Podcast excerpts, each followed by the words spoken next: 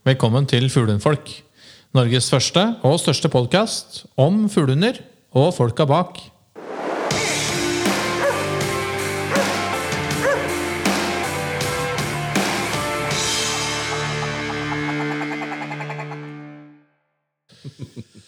Hei, Bjørn. God dag, god dag. Da er det gått enda en uke, da. Ja, tida flyr, altså. Det er full fart. um, I forrige episode så, så var vi jo innom um, apport. ja, absolutt. Det, Ja, det, er, det har vi fått uh, veldig mye kule tilbakemeldinger på, så det, um, det skal vi fortsette med.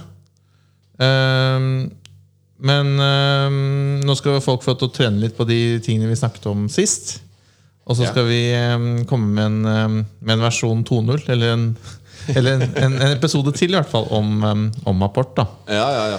Er- nei, det, altså, følge Hør den episoden eh, to-tre ganger før du begynner. Det er veldig Herdag forklarer veldig godt, syns jeg, på detaljer som er de, det, er så viktig å se den derre Altså, her ser man hvor viktig de små tinga er, da. Ja, åpenbart.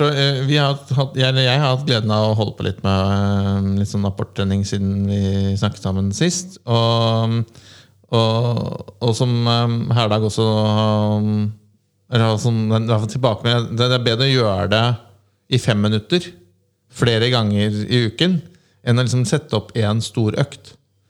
Ja, For ja, For repetisjon og, og hyppig gjentagelse um, er på et litt sånn um, suksess... Eller suksessoppskrift, ikke sant? Ja, altså tenkte jeg at du skulle ta Altså På lørdag skal du ha sju timer matematikk. Så kan vi se hva du sitter igjen med etterpå. I stedet for at du kanskje har en, eh, et kvarter da, om dagen med trening. Ja. Så blir det antageligvis eh, Da har du muligheten til å ta til deg og fordøye det og kanskje skjønne det òg. Og en ting som, um, som også ble ganske sånn klart for meg, at det er jo det å gi seg liksom på topp. Vi snakket litt om det. Ja. Uh, Istedenfor liksom å prøve å klemme til Nei, vi gjør det en gang til, og så blir det en skikkelig dårlig opplevelse av det. For hunden, da. Og, og etter hvert også for, uh, for oss.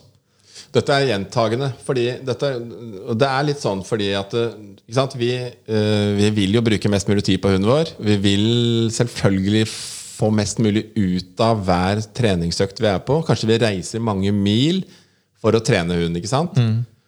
Og så, så er hunden din da, kanskje på topp etter en to, tre, fire repetisjoner. Da er det veldig vanskelig når du har kjørt eh, 20-30 mil, altså, å gi seg der. ikke sant? Da syns folk at vi prøver litt til, vi prøver, og folk vil gjerne det. Som jeg, men som jeg har sagt, en god instruktør han sier stopp. Dette er det hunden din får ut av det nå. Og om du da tar en uh, pause noen timer, da, eller hva du gjør, ikke sant? Så, så er jo det greit, og så prøve litt på den igjen. Men altså, det å klare å stoppe der som man skal stoppe, det er noe av det som tiden egentlig har lært meg veldig. Altså, det kan være én og to repetisjoner, og så kanskje en halvtime, times pause, og så liksom ser jeg at på en måte i neste runde da så står liksom hunden på skuldrene sine i forhold til hva han lærte forrige gang. Du ser at den tar til seg ting, og det Driver vi bare og terper opp igjen og opp igjen, og opp igjen så får vi både at bikkja blir mindre motivert, og at den rett og slett ikke lærer. rett og slett. Får ikke, du får ikke noe fremgang, da. Um, og så er det en ting som, um, som uh, Herdag og vi ikke snakket om, men også gjøre en sånn konsentrasjonsøvelse først. Um, det har i hvert fall fungert veldig godt på Sting. Det er liksom å få han inn i en sånn treningsmodus. Ja. uh, har vært veldig effektivt. Så en, en, sånn, en sånn enkel sånn konsentrasjonsøvelse først. Um, og så gå på um, de, disse ulike elementene har i hvert fall vært um, effektfullt for vår del. da Liksom å Ja. få hunden inn i, inn i modus for, um, for læring. Ja, og vi, vi gjør jo en del sånne arbeidstegn gjerne. ikke sant? Hvis vi, hvis vi jobber med en tjenestehund for eksempel, da, som skal gjøre, ha mange forskjellige oppgaver, så er det veldig viktig å, å ha arbeidstegn som gjør det veldig klart for hunden hva han skal i gang med. Og du kan jo si at det, det å på en måte inn på appellplassen med de rette tinga i forhold til at vi skal jobbe apport, det òg vil være med å motivere hunden for at nå skal vi trene apport. Og hvis da apporttreninga i tillegg er positiv, da, så er det jo moro å trene apport. Mens derimot, hvis det liksom hunden forventer eh, eh, tvang her, så vil jo ikke det være noe spennende å gå inn på den apport, eh, appellplassen for å trene apport. Nei. Da vil jo hunden heller bli demotivert og ville helst derifra. ikke sant? Så eh, det er jo en ting å ta med seg på at man skal være motivert og ha lyst til å gjøre ting, og da går ting mye enklere. Ja, og så merker jeg det for min egen del også. Det er, det er sikkert ålreit å liksom komme hjem fra jobb og få tatt seg en middag sånn før man begynner, sånn at man har liksom fått eh, lada litt sjøl også. Du har jo sett den, ja. Ja. ok. um, um, og så har det skjedd litt endringer i um, Fluenfolk-crew også. Ja, vi har fått med oss Magnus her nå. Ja, Torjus eh, måtte prioritere litt annerledes, og, ja. og vi har vært så heldige å fått med oss uh, Magnus Sveen. Ja, ja spennende. Vi eh, ser fram til å prøve å, få, få, noe, få noe spennende ut her på det. Og, Ja, Det er jeg helt sikker på at vi skal klare. Skal vi, Magnus skal få lov til å introdusere seg litt uh, selv etterpå. Ja. Men i dag så skal vi um, snakke om Vi skal snakke med en veldig spennende kar. Det skal vi. Absolutt. En eh, kunnskapsrik mann eh, som eh, driver eh, stort med fuglehund. Ja. Og vi, vi skal snakke med, med Jørn Presterudstuen Det skal vi. um, om utstillinger. Om utstillinger. Ja. Det gleder jeg meg til å, å høre litt mer om. Ja, det er så mange småtteri og ting der og tang der. Og, og Jørn er eh, dommer i tillegg. Utstillingsdommer. Så han har liksom fasiten der. Så kan vi spørre om alt vi bare orker. Så får vi alle de svara vi ønsker, ønsker oss, holdt på å si. Eller håper jeg. Ja, og nå ser det ut, i hvert fall etter de siste, siste nye føringene fra, fra, fra regjeringen, så ser det ut som at eh, det blir en liten sånn I hvert fall fram mot sommeren nå, at det blir litt sånn litt enklere å møtes flere. Og da forhåpentligvis også at man kommer i gang med både, ja, både prøver og utstillinger. da. Ja da. Det må være Det må være Så det kommer på plass snart. Det tror jeg alle går og gleder seg til. Ja. Ok, men da, da tar vi og ringer Jørn, vi. Da ringer vi Jørn. Right. Gleder meg.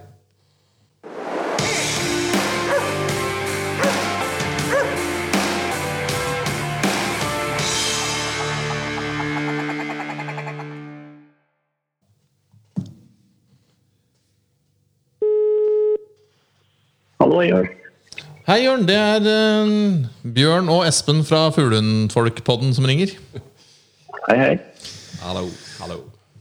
Uh, du, Jørn, vi har eh, laget en sånn uh, kort intro til deg, men jeg tenkte at du skulle få lov til å, um, fort, altså Først få lov til å fortelle litt mer om deg selv, og så, skal vi, mm, så hadde vi tenkt vi skulle snakke litt mer om utstillinger i denne episoden.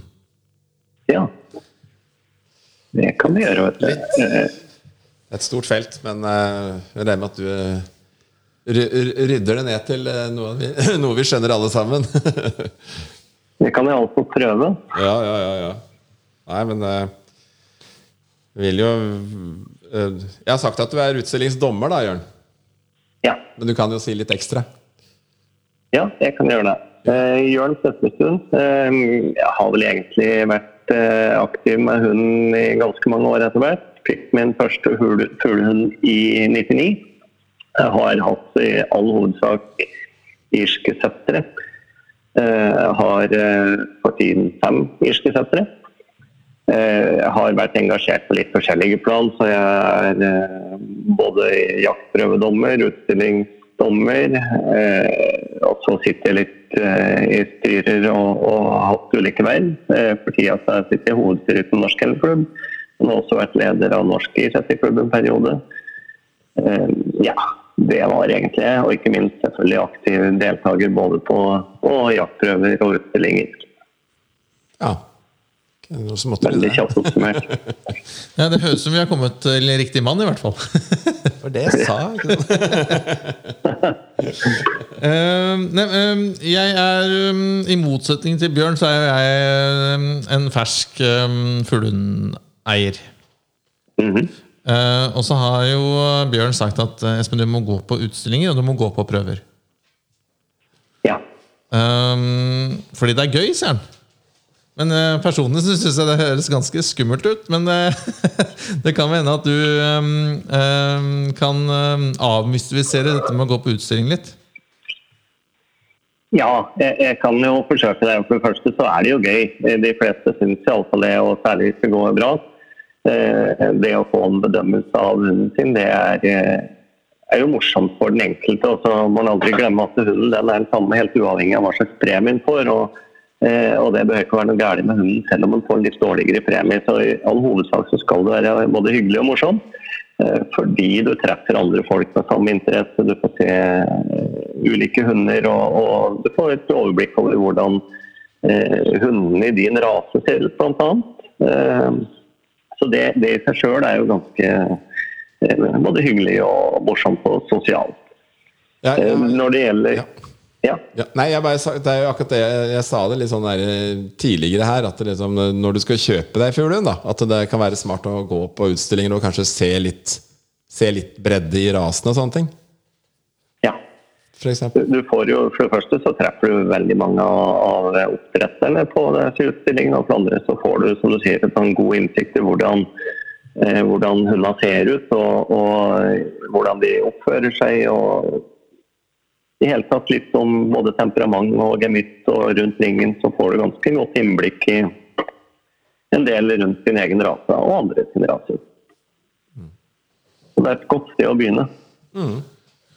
Uh, men jeg tenkte uh, Jeg vet at det er mange av lytterne våre som er ferske fuglehundeiere. Og hvis man, når man er og ser på et, et kull, f.eks.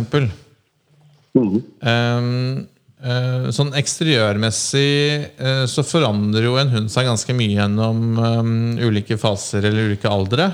Men er det noen, mm. er det noen ting man liksom, åpenbart burde se etter når man er og ser på er å se på valp?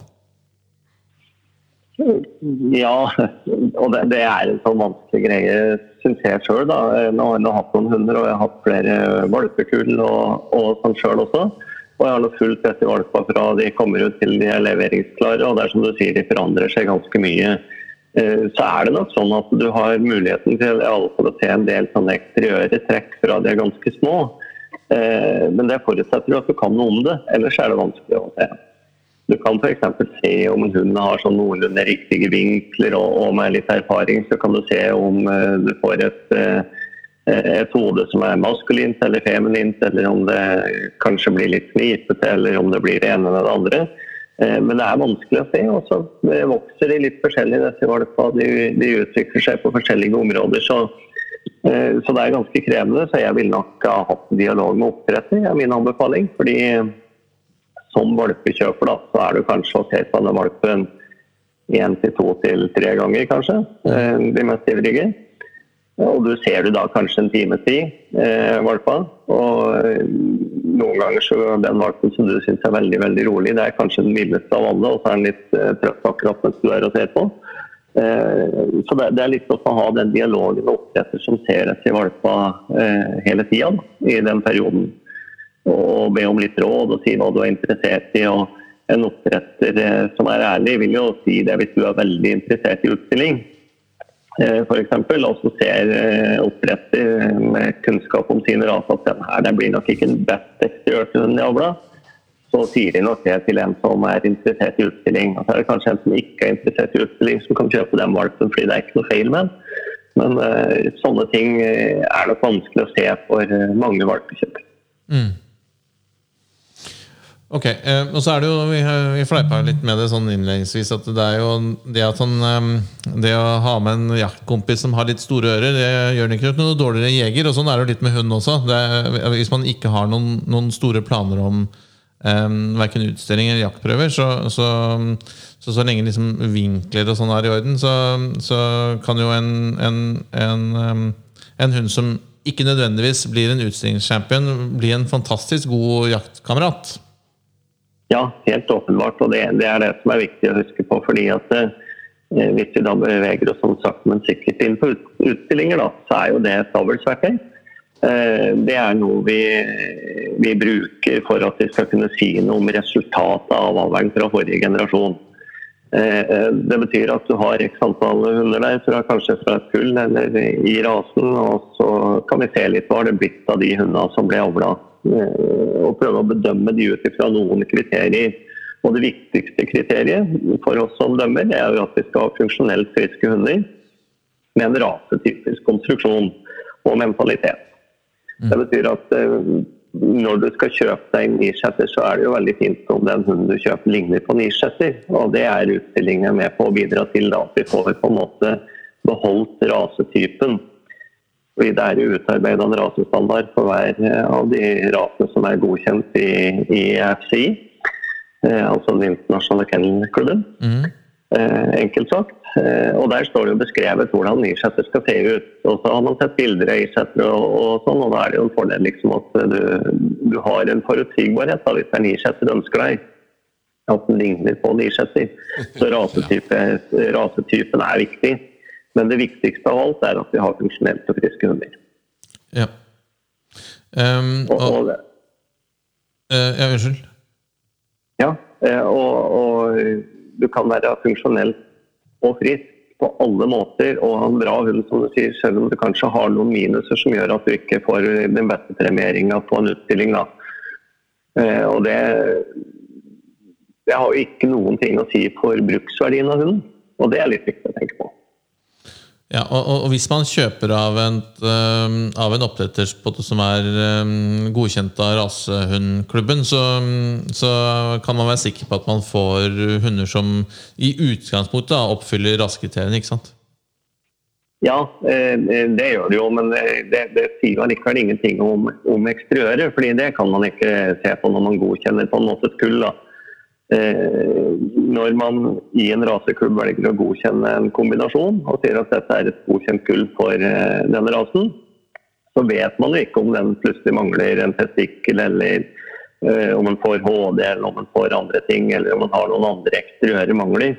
Det vet man ikke når man godkjenner det, men i utgangspunktet så er det jo da to foreldre eh, som oppfyller kravene som rasen har satt for eh, å kunne være godkjent, godkjent avlshund i den rasen. da. Ja, ikke sant? Men det sier jo ikke noe om resultatet. Nei, det, og, og det kan jo ofte ta litt tid før man ser også. Det, det kan det. Eh, Men allikevel så er det en veldig god forsikring da, spør du meg, å, å kjøpe av noen som på en måte bruker både kontrakter og gjerne eh, får godkjente kombinasjonene sine gjennom raseklubben osv. Det er jo en forsikring om at du har med noen som er seriøse og som ønsker å, å prøve å få det til. Og så vet vel alle de som har avla, eller forsøkt å ha noen kull, at eh, avl er ikke matematikk. Så du, du har ikke noen garanti for resultatet av den kombinasjonen du gjør. Det har du ikke. Men eh, da, de som opererer med kontrakter og den type ting, eh, og er seriøse, eh, så har du iallfall muligheten til å ha den dialogen og kanskje få tilbake noen kroner hvis det er viktig for deg, hvis den har eksteriørmangel osv. Ja. Ok, men øhm, hvis man nå har en hund og har lyst til å gå på, på utstilling, så er det sikkert noen ting man bør tenke på før man, øh, før man øh, møter opp. Ja, eh, det er det. Og jeg må jo si at kanskje den viktigste tingen det er at man faktisk har trent litt, litt på det på forhånd også. Eh, Og der er jo igjen snakk med noen som eh, har prøvd seg før, og som det handler om. Fordi at denne hunden, når den kommer inn i ringen til dommeren, så har dommeren eh, i teorien da ca. tre minutter per hund og skal bedømme den som kommer inn der. Og Da er det jo litt viktig at på de tre minuttene man har til disposisjon, at man klarer å vise fram hunden sin på best mulig måte. Det betyr at for det første så bør den jo eh, være ren og, og kamma og se sånn noenlunde ålreit ut. Og for det andre så må han jo da klare å stå i ro, slik at man kan se på den, og så må man klare å løpe eh, slik også at man får vise fram bevegelsene sine. Så Det er nok det, det aller viktigste. Eh, pluss at man selvfølgelig må ha vaksinasjoner og den type orden som står i utstillingsregelverket for å, eh, for å kunne delta på arrangementer. Men det å kunne på en måte ha en hund som viser seg fram da, til beste for seg sjøl, får fram det beste i seg sjøl, det er nok det viktigste man stiller til utstilling. Jeg har ofte hunder jeg er inne som kanskje ikke klarer å ta et travsteg i løpet av, de minuttene jeg har til disposisjon på den hunden, og da må jeg noen ganger si at den hunden kan dessverre ikke premieres i dag, for jeg klarer ikke å bedømme om man beveger seg som den skal. Ja, for det, det er, noen, sånne- det er noen, noen, sånne hovedelementer ikke sant, som du, øh, eller som det dommerne bedømmer på bakgrunn av. Ja, Um, eh, det er det. Og det ene er øh, Du sa løpe, men er, den skal på en måte trave, ikke sant? Eh, I Den skal trave. Ja. Ja. Alle hunder som stilles ut, de, de bedømmes i trav. Eh, og det, da skal den da klare å, å løpe sånn noenlunde fornuftig i, i trav. Fordi bevegelser er jo viktig. Det sier jo noe om funksjonaliteten i den hunden. Eh, og det henger jo sammen med det vi ser ofte når hunden står i ro og når den beveger seg. Eh, og, og da kan man jo iallfall forsøke å bedømme eh, eh, hvordan den hunden ser ut rent sånn funksjonelt. Da. Og det, har en betydning for hvordan den hunden også fungerer til det bruksområdet den har. Og for oss som har fuglehunder, så handler jo det om å kunne løpe ut i fjellet. Ikke bare en liten tur, men i flere dager i strekk for å jakte. Og en godt bygd, funksjonell hund, den vil i teorien i alle fall klare seg mye bedre ute i fjellet. Eh, og unngå skader osv. enn den som er dårlig bygd. Um, har du noen tips til, um, til um, førstegangsutstilingshundeeier? Altså hva, um, hva Du nevnte dette øve på trav og øve på det å stå rolig, ikke sant? Mm. Um, og så er det jo um, Jeg vet at det fins en del sånne spesielle kobler til uh, utstilling. Altså tynnere, tynnere kobbel og helst i hundens farge og sånn. Er dette viktige ting, eller er det sånn som, um, som dere dommerne uh, på det ser litt uh, bort ifra, eller i Da kan jeg si ja.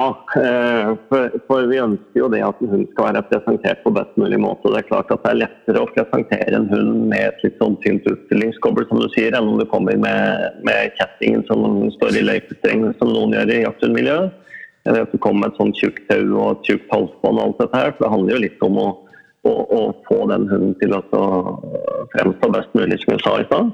Og, og det jo bedre om det er frisert litt, den skal friseres eh, for de hundene som gjør det, eller eh, og har et litt eh, kobbel som gjør at det er lettere å få vist fram den hunden i ringa si. Det vil jo ha en betydning. Så mitt forslag igjen der det er faktisk å gå og se på en utstilling eller sånt. Og for en, en som har en valp, så er jo det også fin sosialisering.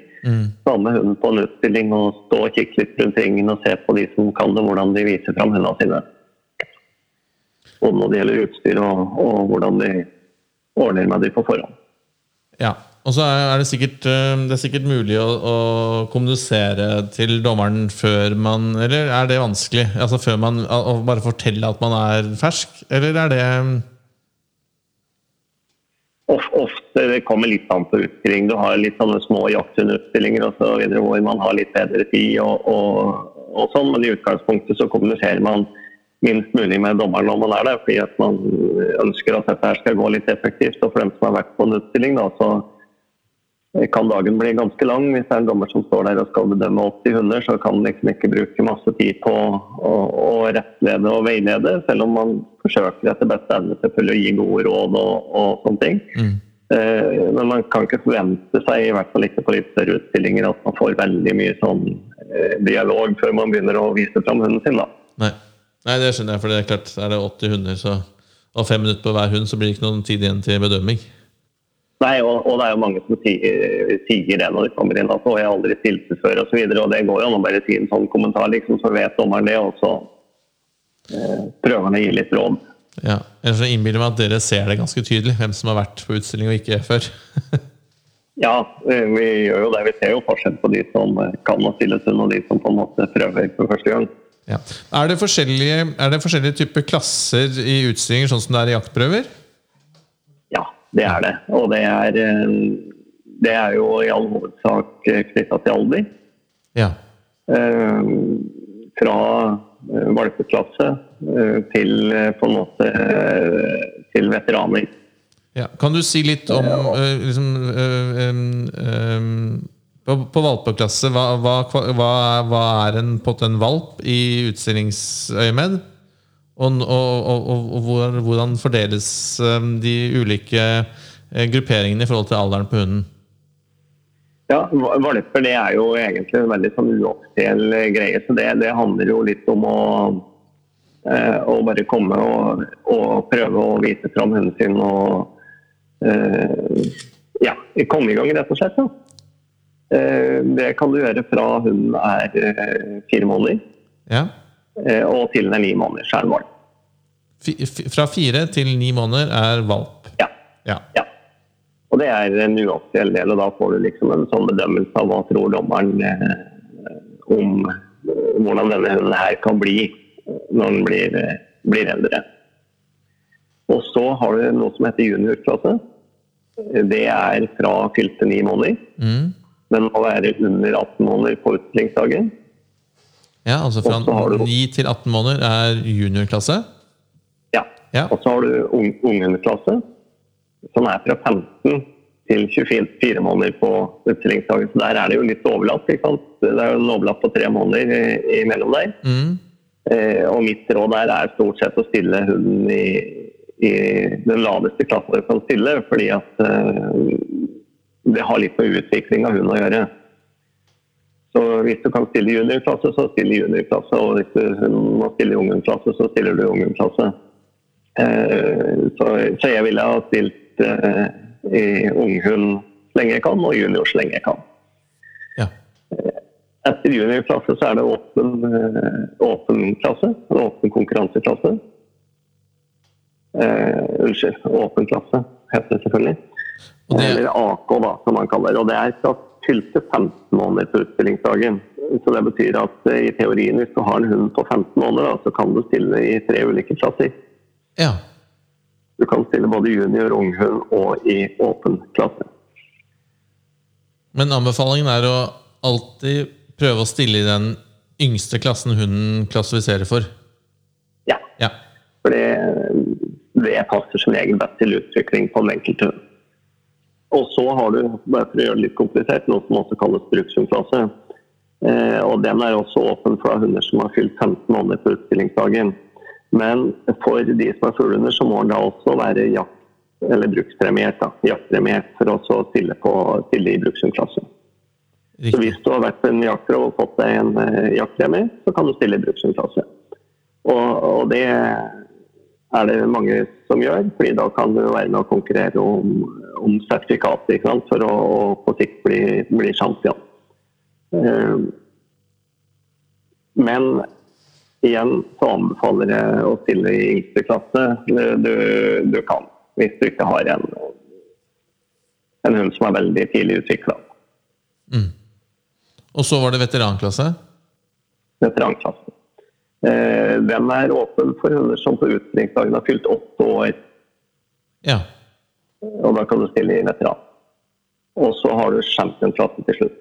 Eh, det er en klasse som er åpen for de som allerede har oppnådd et championat. Utstillingssjampionat. ja. Enten norsk eller andre nasjonale eller internasjonale utstillingssjampionater. Riktig. Ja, det var det, det var det jeg skulle spørre om. Fordi at det Må det være norsk, eller kan det være Hvis jeg får en hund eksempel fra Danmark da, med dansk utstillingssjampionat, da stiller han i Ja. championatklasse? Den kan stille i championklasse. Akkurat. Ja.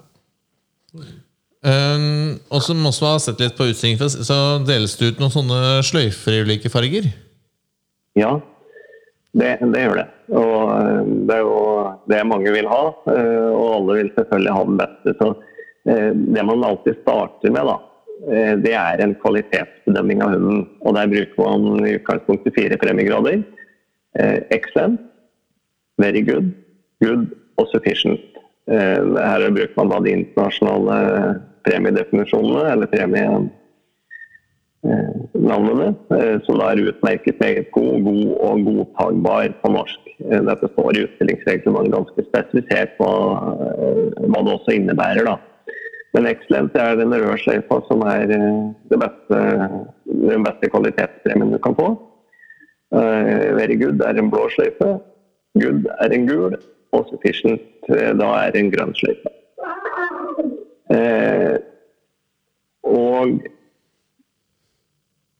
ja. Det, det er det, de fire som brukes i kvalitetsbedømmingen. Da. Eh, og så kan du få nullpremier, eller diskvalifisert.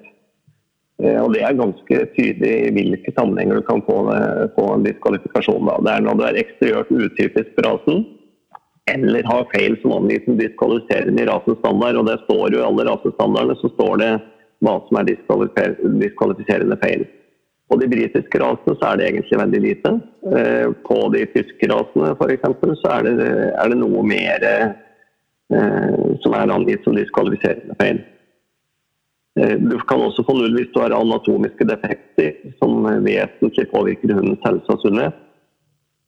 Da med spesielt vekt på rasens opprinnelse, -hmm. funksjon og bruksområde. Eh, du vil få null hvis du har en hannhund som eh, ikke har to normalt utviklede og riktig plasserte testikler. Og du kan få null hvis du har en hund som i ringen viser aggressivitet eller tydelig fluktoppførsel. Fluktatferd. Hvis du er så redd at du eh, absolutt ikke vil være der, så kan du få null. Ja, Så oppførsel i ringen kan også være diskvalifiserende? Ja, hvis det handler om aggressivitet eller frykt en hund som på en måte ikke oppfører seg i ringen som en sånn som ikke klarer å trave og sånn, da vil man bruke de aller fleste vil da bruke det som kalles KIP, kan ikke premieres. Ja. Og Det er da en hund som den dagen viser sin slik tilstand at dommeren ikke kan gjøre seg opp egentlig en oppfatning da, om kvaliteten på, på hunden. Eh, det kan jo være f.eks. At, den, eh, at den oppfører seg så ungdommelig eller eh, noe i ringen at den er, er helt umulig å, å vurdere den. Det står der som dommer, og så skal jeg prøve å si, og, si noe om helheten på denne hunden. Og så har jeg ikke sett den har stått i ro, og jeg har ikke fått sett ordentlig på tennene på den, og jeg har ikke fått sett den løpe ordentlig. Eh, for meg da så er det riktigst å gi kan ikke premieres, og så sier jeg gå hjem og så trene litt til, og så prøver du igjen. Ja, ja for det, det, er egentlig beskjed om å gå hjem og trene litt, egentlig? Ja. ja. Og det samme kan jo være hvis du har en hund som halter, f.eks. Har vært på sykkeltur og fått en sår fot, og så kommer den i ringen og så halter den. Og så kan ikke jeg da utelukke at den haltheten skyldes noe annet, eh, og da velger jeg å, å ikke premiere ja. den dagen. Og det er, jo en, det er jo en annen eh, bedømmelse enn av det å få null. Eh, for null det er jo da en diskvalifiserende feil, som som regel ikke blir borte igjen. da. Ja, så Får du null, så er det nesten ikke noe vits i å prøve igjen. Det, det kommer selvfølgelig litt an på hvorfor du har fått nullen, da. Men uh, hvis det er at den er redd eller at den eh, er aggressiv, og du tenker at det, det er veldig utypisk for hunden din, den bruker ikke å være sånn, så kan du stille igjen en annen gang. Og så er det slik at hvis du får tre nuller, så, så får du ikke lov til å stille. Ja. Så har du har du én ballestein, så er det ikke noe vits å komme igjen. Nei, det er ikke det hvis det ikke dukker opp en til. Jeg har hørt, jeg hørt, hørt historier hvor det plutselig var tre der. ja, det er vel mange historier om noen som forsøker å jukse. Og sånn er det jo uansett hva man driver med her i verden. Så ja, ja, er det noen som uh, har lyst til å prøve å jukse litt, og så har man prøvd å operere inn noen og greier. Men det er heldigvis ikke veldig vanlig. Altså. Nei, nei, det er ikke noe bra. Ikke noe bra. Men, men um, også er det noen um, Hvis man får blå Altså excellent eller very good, så kan man risikere å gå videre til sånn Best in Show og sånn, eller er det Ja, i hvert fall hvis du har fått excellent. Nå er det jo sånn at uh, i konkurranseklasse på hver enkelt av disse her. I alle de klassene jeg nevnte opp i stad, unghund eller junior, unghund, åpen klasse, brukshundklasse osv., så, videre, så så kalles det også inn til en konkurranseklasse etterpå. Så de som har fått excellent, og noen ganger de som har fått blå, hvis det ikke er mer enn fire som har fått excellent, så kalles også de med blå inn for en plassering. Og da plasseres det fra én til fire. Og, og eh, det, det, vil jo da være en rangering i dag. Den som er nummer én, den er best, og den som er nummer to, den er eh, nest best i sin klasse. Eh, og så eh, gjøres det da en vurdering når man har plassert her om, eh, om hun eh, har fortjent en, eh, en Altså at man er av championatkvalitet. det har man muligheten til å gi vil man får i rosa sløyfe i tillegg til den røde man har fått. Eh, og det er de hundene som på en måte er helt typisk riktig bygde hunder. Eh, de, de, som på en måte er nærmer seg ideal, sånn som dommeren vurderer det den dagen, den kan få en, en TK. Og hvis du har en junior-tispe som får TK, så går den videre igjen. Eh, og får være med da i konkurranse om beste tispeklasse etter hvert. Så da samles alle de i de ulike klassene som har fått TK. i ett kjønn, altså beste tispe f.eks. Eh, konkurranse der. Og så rangeres der også fra én til fire. Eh, og eh, den som vinner, den blir da beste tispe og konkurrerer til slutt med beste hannen, hvor det gjøres på akkurat samme måte. Og så kåres det da en vinner av de to, hvor du har best i rasen og best i motsatt kjønn. Ja. Um, hvis man er så heldig og går hele veien, så høres det ut som dette kan ta en uh, hel dag? Ja, det, det, gjør det nok. Eh, og veldig ofte så har du kanskje oppmøte klokka ni, ti, elleve. Og på mange utstillinger hvor det er mange hunder, så er klokka fort kanskje fire før man kommer til finalekonkurransen og, og det, det siste der. Ja. Så det er kanskje lurt å ha med seg en, eh, en god stol og litt vann til både eier og hund? og det, det, er alltid lurt å ha med seg en god stol og litt uh, vann og kanskje litt mat til hunden. Og, og et bur kanskje som hunden kan ligge og slappe av i hvis den liker bur. Ja.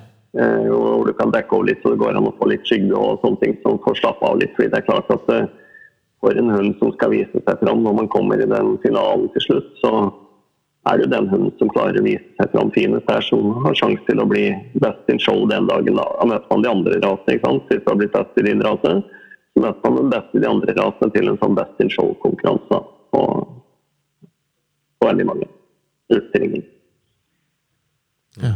Og så er det jo sånn at uh, disse finalekonkurransene som jeg har vært innom nå, de er ikke samboerberettiget. Så det er egentlig en kvalitetspremien man er ute etter. Uh, og da TK-ene og, og Eh, det som kalles eh, sertet, eller sertifikatet, eh, som man trenger for å bli utstillingschampion. Ja, og, og, det har jeg for så vidt ikke vært innom foreløpig. Jeg snakka kun om CK, som da er den rosa sløyfa. Mm.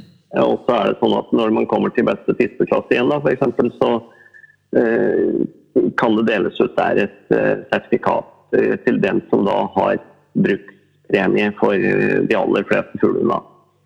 Det betyr at hvis du har en jaktpremie og du har fått en CK, så er du med og konkurrerer om, eh, om sertifikatet. Ja, kan du si bare eh, litt om forskjellen på sløyfe og sertifikat? Ja, det, det, er egentlig ikke noe forskjell på det, bortsett fra at sertifikatet eh, Det er samme kravet strengt tatt i bånn, men sertifikatet det kvalifiserer da for et napp i utstillingssjampionatet, for å si det sånn. Ja. Eh, det er også en sløyfe i og blått. Eh, og det trenger du for å bli utstillingssjampion. Og de trenger du eh, to eller tre av. Da begynner det å bli litt sånn komplisert. fordi at har du fått en premie i en jaktprøve i jaktprøvepremie i vinnerklasse, så klarer du deg for en del av fuglene med to Eh, sertifikater for å bli utstillingssjampion. Dette er jo da mye detaljer, da. Eh, anbefalingen min hvis man er interessert i detaljene, det er å gå inn og lese utstillingsregelverket. Der står det ganske godt beskrevet både eh, hva de ulike sløyfene betyr, Eh, det står også klare definisjoner på, på premiegraden. Eh, og Hvis man leser premiegraden, så ser man det, og, og det var vi litt inne på sånn innledningsvis her. at uh, Very good. De fleste kommer jo strengt tatt for å få en excellence. Ikke sant? Det er morsomt å få en excellence og kunne få en utstillingssamfunn osv. Men en very good er også en veldig god premie. Uh, og good er også en Eh, premie. Hvis man leser definisjonen på good, så står det at det er en hund som tilsvarer rasestandarden.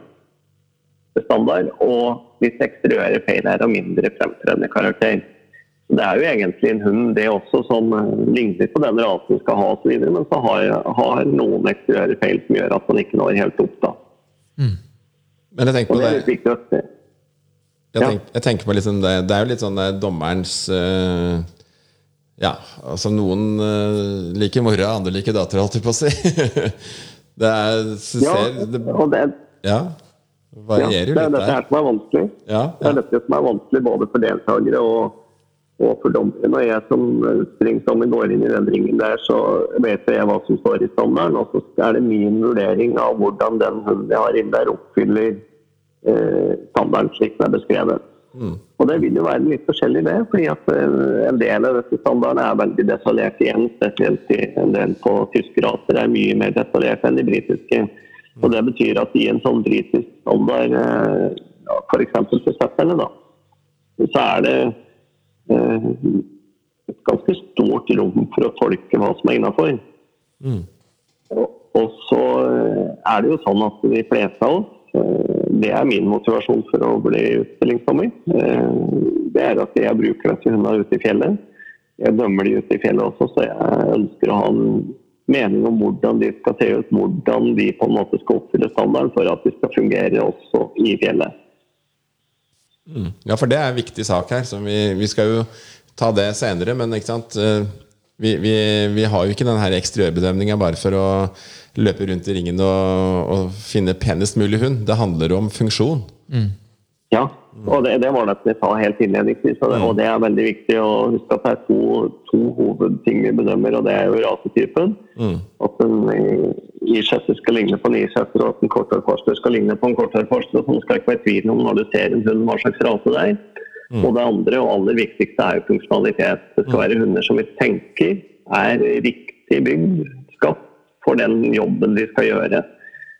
De alle rasestandardene våre, helt uavhengig av hva slags rase det er, så har de stort sett et opprinnelig bruksområde. Og så er det litt forskjellig. Noen raser de har nok bruksområdet blitt borte for, men for jakthundene våre så er det ikke noe tvil om at uh, i mitt hode at de skal oppfylle uh, bruksområdet sitt, også når det gjelder eksteriør. Ja, så, så liksom eh, Ja, unnskyld. Ja, eh, men som sagt, det, det her blir jo da en sånn Det blir jo en subjektiv vurdering uansett fra dommeren som står der, om hvordan man oppfyller, eh, oppfyller kriteriene. og Derfor så har du fått en premie du ikke er helt fornøyd med, så går det an å prøve å stille en gang til hos en annen dommer. Og så er det sånn at eh, vi dommere vurderer ting litt forskjellig, og hundene våre opptrer litt forskjellig. Noen oppfører seg veldig fint når de får lov til å løpe på gress inne på bane, og de liker ikke asfalt eller et, eh, et glass gulv inne i en idrettshall eller noe sånt. Eh, og dommeren dømmer jo det han ser den dagen, liksom totalt sett. Så, så det betyr at man også kan ta seg en runde til og prøve. Hvis man ikke er helt fornøyd. Ja. Så det er ikke sånn at dommeren eh, kikker litt i papira først og ser ja, han har fått det og det tidligere, så da må jeg tenke litt på det. liksom. Det er liksom helt sånn fritt det man ser den dagen. Nei, og, og det, er, det er egentlig et veldig godt spørsmål, for det, der er eh, Objektiviteten skal i størst mulig grad være til stede. Det betyr at dommeren vet ikke hva slags hund får inn i ringen. Du får, får ikke noen liste med, med hundebytte skal du bedømme i dag. Eh, Du får kun inn en hund i ringen og så med nummerlapp på. Og så er det ringsekretær og skriver som er de to andre som er inne i ringen der, som vet hvilke hunder det er. Men dommeren får aldri vite navnet navnene på hunden eller noe som helst han dømmer. Så det betyr at eh, noen ganger så kan jeg selvfølgelig gjenkjenne både eier og kanskje hunden også. Eh, men det er ikke brått sikkert at jeg jeg husker hva jeg gikk den tidligere, og for meg- så handler det om å gi en mest mulig riktig bedømmelse av den hunden jeg har for meg, eh, den dagen jeg dømmer. Og Det betyr, som jeg sa i stad, og det er kanskje vanskelig eh, å forstå, og jeg må innrømme at eh, det er nok den største opplevelsen jeg har fått sjøl etter at jeg ble dommer. Det er at det varierer litt i premiegrad. grad. Nettopp fordi, som jeg sa i stad, at eh, de oppfører seg litt på forskjellig på forskjellige steder. Noen liker eh, helt greit at det er godt og varmt, mens andre ikke trives i regn. og eh, alt mulig sånt som gjør at når jeg bedømmer hunden der, så, så er de forskjellige fra gang til gang også. Noen ganger så er det rett etter jakta, ikke sant? og de er veldig tynne og eh, har, har vært ute og løpt av seg det meste. Og neste gang kanskje på en annen tidspunkt på året hvor de har veldig flott pels og er sånn passe godt hold og alt dette her. Alt dette påvirker liksom når dommeren skal bedømme den hunden.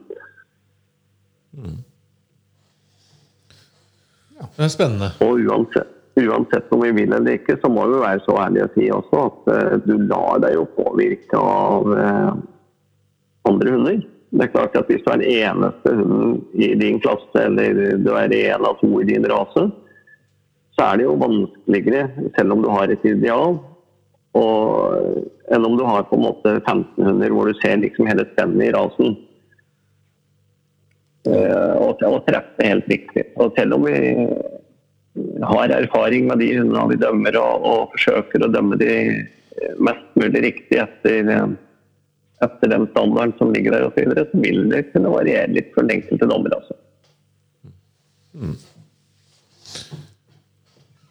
Ja, dette er jo dette er, Jeg syns det er litt komplisert, men det er veldig spennende å høre deg fortelle om det, Jørn. Fordi um, det høres mindre skummelt ut nå enn det gjorde før. Så ja. da har vi på en måte, og hvis, hvis, det er flere som meg, da, så har vi på en måte kanskje lagt listen litt lavere for å delta på, for å delta på en utstilling.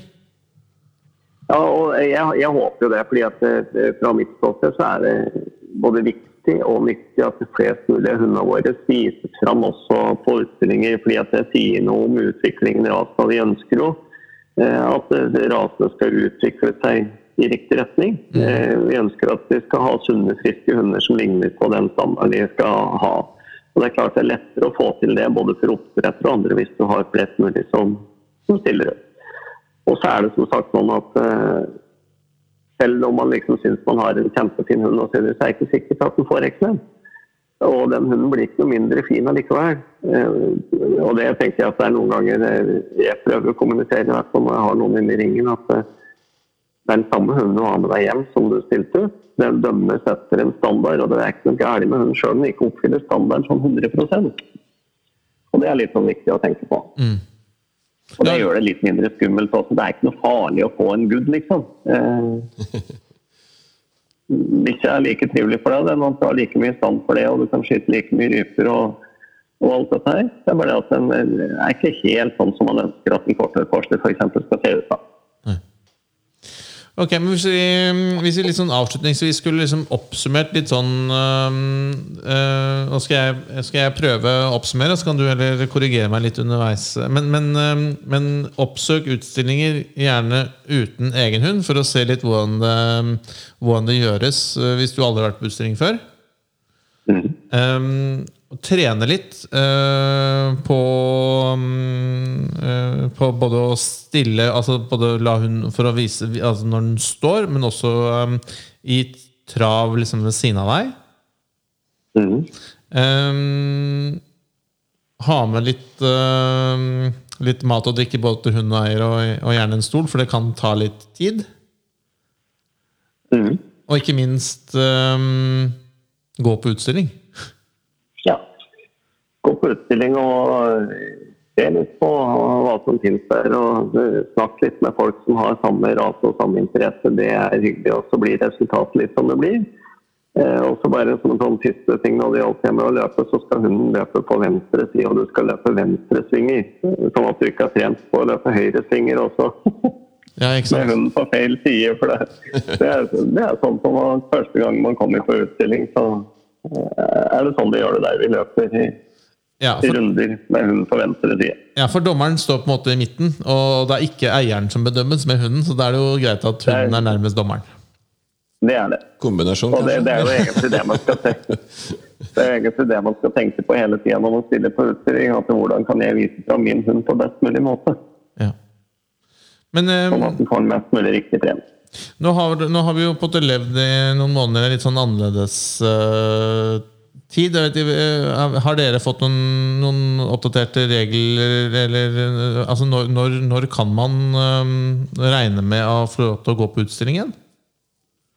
Jeg tenker at De første utstillingene de begynner ganske snart. fordi at Fra den 7. mai så ble det iallfall åpna for arrangementer med inntil 50. Og for en del av disse litt mindre jakthundutstillingene eller for rase, enkeltraser osv. Så, så er det ikke over 50 som regel. Så der finner man løsninger på det. Eh, det er lagt ut informasjon på hjemmesida til Norsk Kennelklubb eh, allerede om eh, hvordan det skal gjennomføres osv. Så, videre. så de arrangementene kommer nok i gang som sagt, men sikkert utover. Ja. Og hvis man, hvis man, sitter hjemme nå og har lyst til å gå på utstilling, hvor, hvor er det lettest å få informasjon om, om den neste utstillingen nå? Igjen på Norsk Kennelklubb. Eh, hvis man går inn på hjemmesida til Norsk Kennelklubb, så eh, skal det gå an å finne fram der på forskeraktiviteter. Og så eh, hvis man trykker på aktiviteter, så kommer man inn på det som heter terminliste for utstilling, lydighetsprøver osv. Og, og der kan som man har, og, og sånn, så ser man hvor utstillingen er, og når det er påmeldingsfrister osv. Ja. Og den vil nok oppdateres nå fortløpende, fordi det er klart det er mye som er avlyst, og noe er flytta litt, og litt sånne ting, men der finner man oppdaterte utstillinger. Og veldig ofte så finner du det på, på hjemmesida til din raseklubb, og på Facebook, eh, på sine sine raseklubber osv. Spennende. Da håper vi alle sammen at, um, at det kommer noen utstillinger i nær fremtid. At vi kan, i hvert fall vi som er førstegangs, kan få til å begynne å trene litt. Ja. Det er en ålreit uh, sommeraktivitet å drive med det. Altså, det. Og det er jo morsomt å høre også hvordan hun ser ut liksom, i forhold til rasestamme. Eh, uten at det betyr noen ting, som sagt, da, for, for den enkelte hundeeier. Ja, så ligger det jo det ligger noen læring i det både for hund og for eier. Så, um, så, vi må jo sende en liten oppfordring ja, til alle ferske fuglehundeiere. At uh, det å oppsøke, um, oppsøke er på sosialaktivt sosial aktivitet også. Man jo, treffer jo mange liksinnede og potensielt også masse nye bekjentskaper og venner. Så det, um, det er bare å komme seg ut av godstolen, det er det ikke? Jo, det er det. Og så er det viktig for oss som er glad i disse hundene, da, som er glad i disse jaktrasene osv., at vi ikke overlater den arenaen til eh, miljøer som på en måte ønsker å, å, lage litt andre modeller enn de vi ønsker å bruke i fjellet. Mm. Eh, fordi det er nå engang sånn, og særlig på noen settere bl.a., at det har utvikla seg litt mot en utstillingstype og en jakttype. Men det vi ønsker oss, er jo den funksjonelle, friske hunden som egner seg på begge arenaer. Mm. Absolutt. Og Derfor er det viktig at vi viser fram disse hundene våre, som også brukes i fjellet. Ja, jeg tror det, det, er en god oppfordring, er det ikke det, Bjørn? Jo, jo, jo. Jeg husker jeg har vært på en utstilling sjøl en gang hvor det var sånn uh, Hvor det var akkurat en sånn showdog som på en måte Som jeg konkurrerte imot, for å si det sånn. da Hvor dommeren liksom bare tok, uh, tok tak i lår, lårbeina på forsteren min, og så tok lårbeina på den andre. Og så sa at eh, her ser vi liksom en, en hund som blir brukt, og her ser vi en hund som sitter på ei pute, sa han. ja, det finnes vel mange måter å uttrykke det på, men eh, det, det viktigste for oss er jo at vi får disse funksjonelt gode hundene som vi kan ta med oss på jakt og kose oss med høsten. Ikke sant? Ja, ja for det er, det er, jo, det er jo altså, Hvis jeg forstår deg riktig, det er, det er jo de fysiologiske egenskapene hunden for det den er egentlig ment for, som egentlig bedømmes. Ja. Ikke sant? Så, det det. så du vil få den du, Når du kommer i og ser de tingene her på utstillinger, også, så vil du få se det, Espen, veldig. For det, så jeg reagerte veldig på for på, Jeg var på Elverum, og der er det en stor jaktunderstilling Ikke sant, på den på Jakt- og fiskedagene. Jakt og fiskedagene. Mm. Og liksom, når du kommer da når du kommer da trillende over den der lange brua der da med en eh, par sånne store flatcoat retrievere i et bur med hjul, ja. Som jeg mener absolutt fint kunne ha gått sjøl, ja. så, så, blir det litt sånn skjevt i huet mitt da å se sånne ting. ja da, det, det, kan man helt sikkert si mye om. og, og det er, det er, folk ønsker å gjøre det på litt forskjellige måter, opptatt av litt forskjellige ting. og så håper og tror jeg at vi, vi, klarer å på en måte fokusere på det som er det aller viktigste, og det er at vi har funksjonelt friske hunder. Eh, og jeg må bare si det, Selv om det er det aller viktigste, så har jeg vært inne på det et par ganger, så er rasetype også et element. fordi du kan jo ha en hund som løper kjempefint og er funksjonelt godt bygd med gode vingsler, sterke poter osv., men ligner ikke på rasen sin. Mm.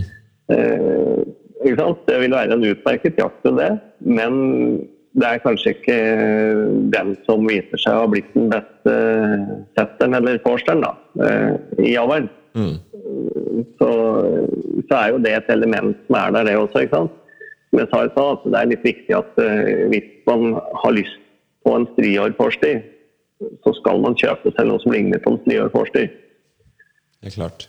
Da, da, er det jo dumt å kjøpe en striårforster som ikke har stripels, men som har på en måte pels som ligner mye mer på en kort hår, Ja. for eksempel. Da. Mm.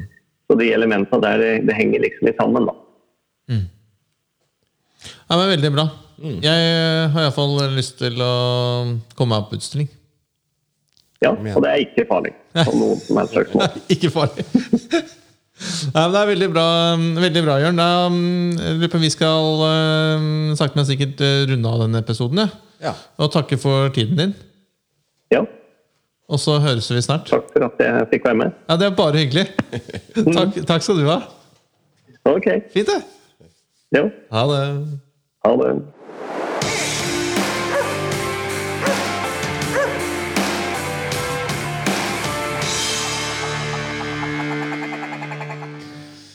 Det var utstillinger, det, vel? ja, det er uh, et stort felt, det òg. Men kanskje ikke så skummelt som jeg i utgangspunktet trodde det var. Nei, og det, det som en ser på utstillingen, sant, det er folk tar seg så veldig sånn, Det tar så seriøst. Dette er liksom Ja. sånn Jeg er glad du sa det, slapp jeg å si det. For jeg, har- jeg har jo vært på en utstilling og sett. Ja, ja, ja. Eh, og det er jo men det er kanskje mer på den, den mer sånn brukshund, utstillingshund-delen. Men der er jo, det er jo veldig mye Er det lov å si jåleri? Er Sa jeg det høyt? Ja, du sa det litt høyt. Men eh, det er nok der. Men, eh, men samtidig, det er eh, Det er jo mye gull og glimmer her, ikke sant? Det er mye som eh, skinner, og, som, og ting som går i vasken for folk som hadde store ambisjoner i forhold til hva de har trodd og tenkt og sånn, ikke sant? I, i eksteriørbaner, da.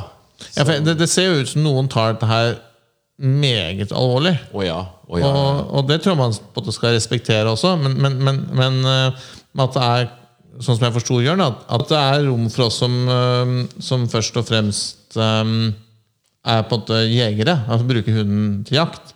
Men at det, at det er rom for oss også å komme og stille ut hunden og få en eksteriørvurdering av vår hund.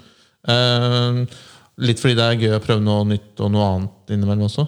Ja, altså, jeg tror liksom mange mange, altså Det er mange oppdrettere som gjerne vil at du skal stille ut, ikke sant? så de får et litt begrep på hvordan kullet ligger an. da Eh, Og det er jo fint både på både utstilling, jaktprøver og, og mentaltester òg. At man får et, kanskje et samla bilde av hvor, eh, hvordan kullet ligger i forhold til uh, en standard. ikke sant? Så det, det er veldig verdifullt for en oppdretter.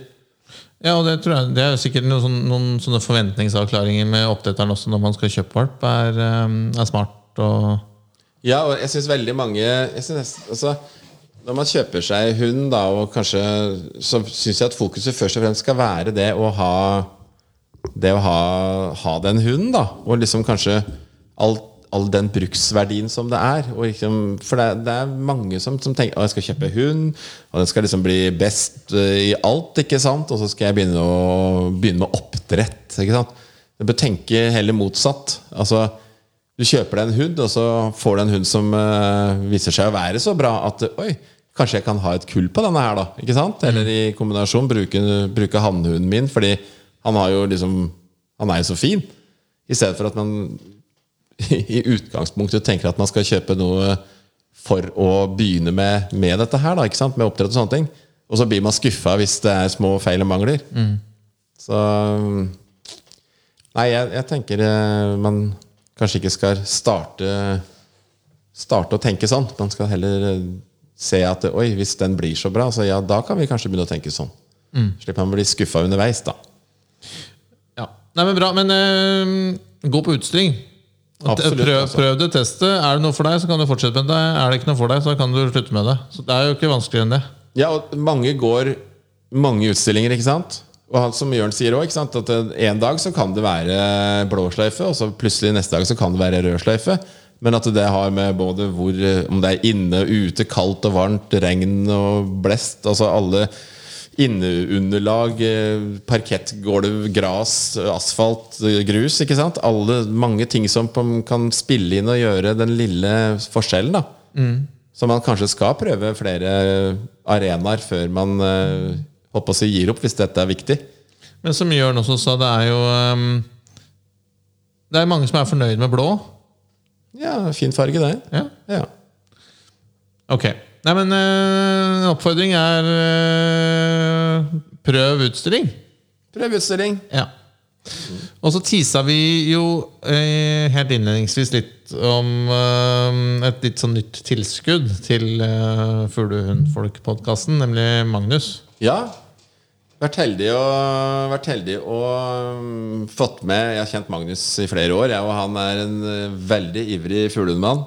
Han har vært på kurs uh, sammen med meg òg, bl.a. på Beitstølen. Jeg, husker, jeg husker det veldig godt, fordi Magnus er en veldig sprek kar. Så han, jeg tror hobbyen hans er å flyge lengst mulig. Og så I tillegg så jobber han med litt, som, litt i skauen og slike ting. Så, så han er liksom på en måte Ja, det, det er liksom friluftsmann og han, han har liksom alltid ett på den greia der. Så jeg husker bare på kurset Så bikkja hans forsvant oppover fjellsida. For han hadde tatt opp noe rype, da, og dette var jo jævlig moro. ikke sant? Så han stakk oppover, og så oi, tenkte jeg dette blir ikke Og så plutselig ser jeg, ser jeg Magnus etter bikkja si oppover fjellsida like fort omtrent, tror jeg. Og det, han ga seg ikke. Han, det var eh, fart der. Så han er det spreke alibiet til folk Det var det jeg tenkte. At det var godt å få inn noen som på en måte kunne vise for oss at det, det, det lønner seg å gå i fjellet. Ja, bra. Men du, Magnus, kan ikke du si eh, Nå har jo um, Bjørn um, hatt en litt um, Eller lang, en lang intro til deg. Men kan ikke du si litt om deg selv? Jo, takk for det, Bjørn. Det var veldig hyggelig. Eh, Ja, Magnus Sveen, ja. Og bor i tjukkeste landsbygda ute på Østre Toten sammen med en fantastisk kone, Anja, og en, vår lille sønn på åtte måneder, Christian. Og har to hunder. da. En engelsetter Ares og en striåra forster, Storm. Så vi er, nyter eh, friluftslivets gleder oppe på Toten og er ivrig friluftsfolk. Bra. Eh, og litt i sånn kjølvannet av at uh, Magnus har kommet med også, hadde vi jo tenkt å introdusere et, sånn- et nytt tema i podden. Eh, vi har jo snakket mye om utstyr. Eh, men rundt bordet her så sitter det jo en del erfaring med bruk av utstyr.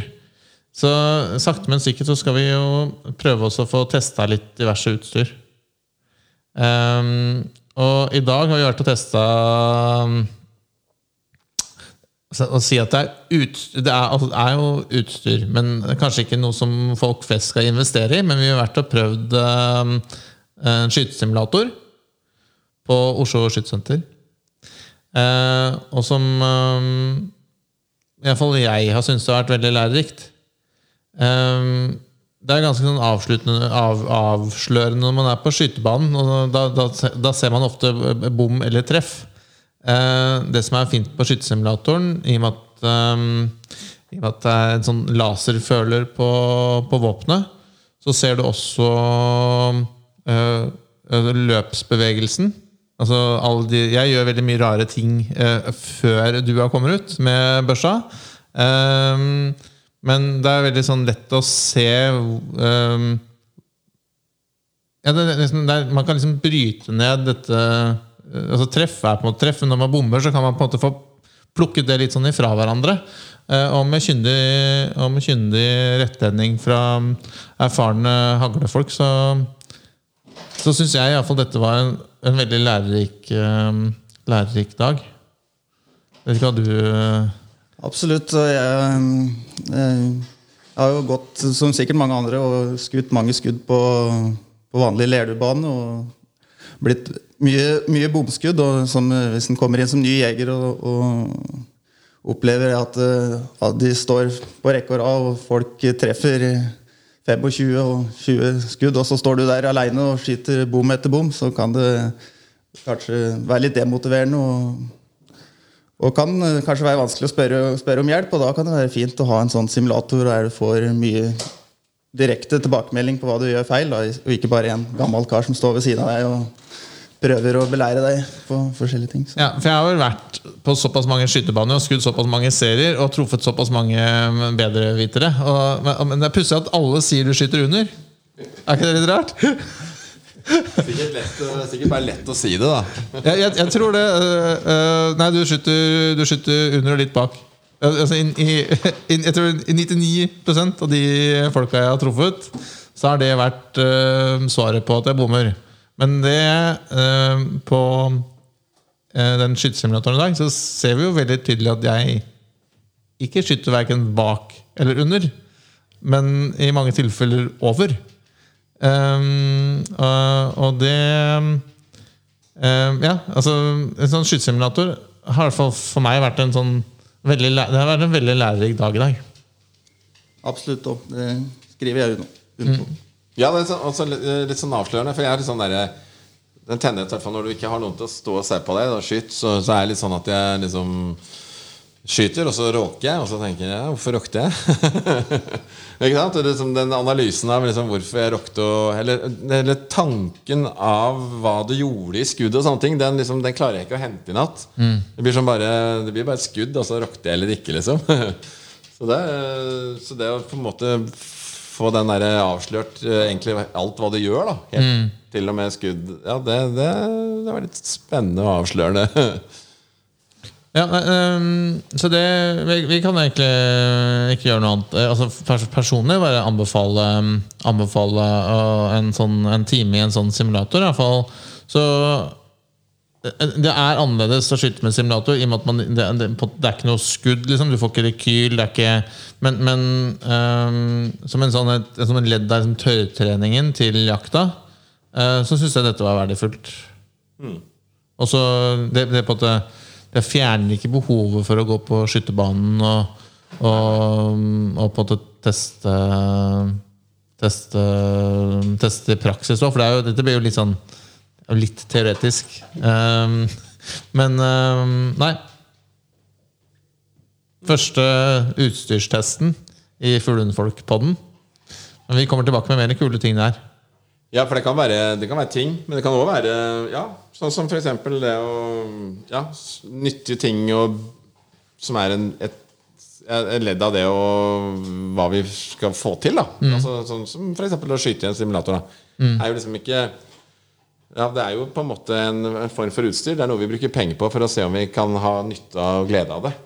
Og det, det har vel vi vært enige om at vi i hvert fall eh, har hatt. da Ja, og så er det dette med, dette med tilpassing av eh, det, det er mer fokus på det nå enn det var før, men det å ha en, en, en hagle som passer deg, er ganske avgjørende, i og med at det er et pekevåpen og ikke et siktevåpen. Eh, og, og det faktum at i mange situasjoner så har vi jo ja, børsa i, i, i en, en stropp, eller man går og bærer den med knekt. Også. Det er en del sånne øvelser og en del bevegelser som skal på plass da, um, på veien til treff. Um, så nei. Verdifullt å få både testa utstyr og ikke minst uh, få noen, som, uh, noen børsemakere til å se på våpenet du har, og, og se at det faktisk passer til, uh, passer til deg. Da. Det er liksom ikke bare å arve en hagl og regne med at man treffer. Nei, det er uh, mer enn som så. Det er mer enn som så, ja. Ok, men uh, det var episode 15. Det er gutta. yes. Så bra. Da skal jeg stikke og øve på litt mer rapporttrening. jeg. Ja, men Så bra, for det vet du, det må du gjøre hver dag nå. Jeg vet det. All right. Nei, men vi høres. Det gjør vi. Ja, fint det. Ha det. Ha det.